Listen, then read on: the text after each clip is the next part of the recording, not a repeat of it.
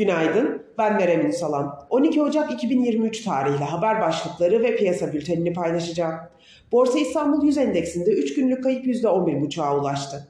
İstanbul Büyükşehir Belediye Başkanı İmamoğlu hakkında bu kez ihaleye fesat karıştırma iddiasıyla dava açıldı.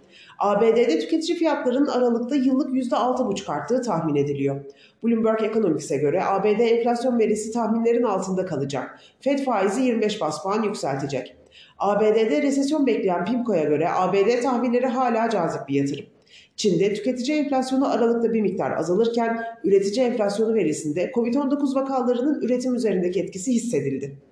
Piyasalara genel olarak bakacak olursak pay piyasalarında SPK'dan gelen fonların pay senedi repo pazarında taraf olunan ters repo pozisyonlarının kapatılması için son sürenin 28 Nisan 2023 tarihine uzatıldığına ilişkin haber akışının bugün endeksi destekleyebileceğini düşünüyoruz. Orta vadede ise 2023 ile birlikte seçim beklentilerinin etkisine giren Borsa İstanbul'daki dalgalı seyirin tarih konusu netleşene kadar devam etmesini bekliyoruz. Genel beklenti seçimin Mayıs ayına çekilebileceği yönünde bulunuyor.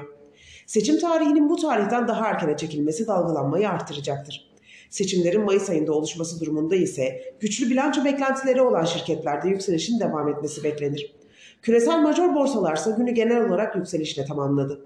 Fed'in verilere atıf yapması dolayısıyla bugün açıklanacak olan ABD tüfe verisinin risk iştahı açısından önemli olacağını düşünüyoruz.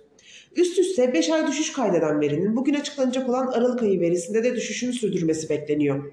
Enflasyonda düşüşün sürmesi, faiz artırımında sona yaklaşıldığı algısı yaratarak küresel risk iştahını artırabilir.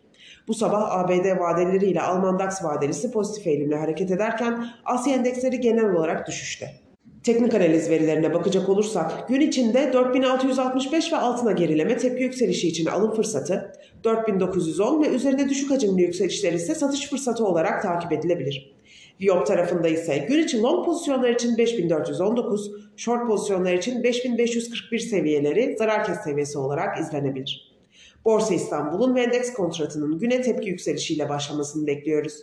Kazançlı günler dileriz.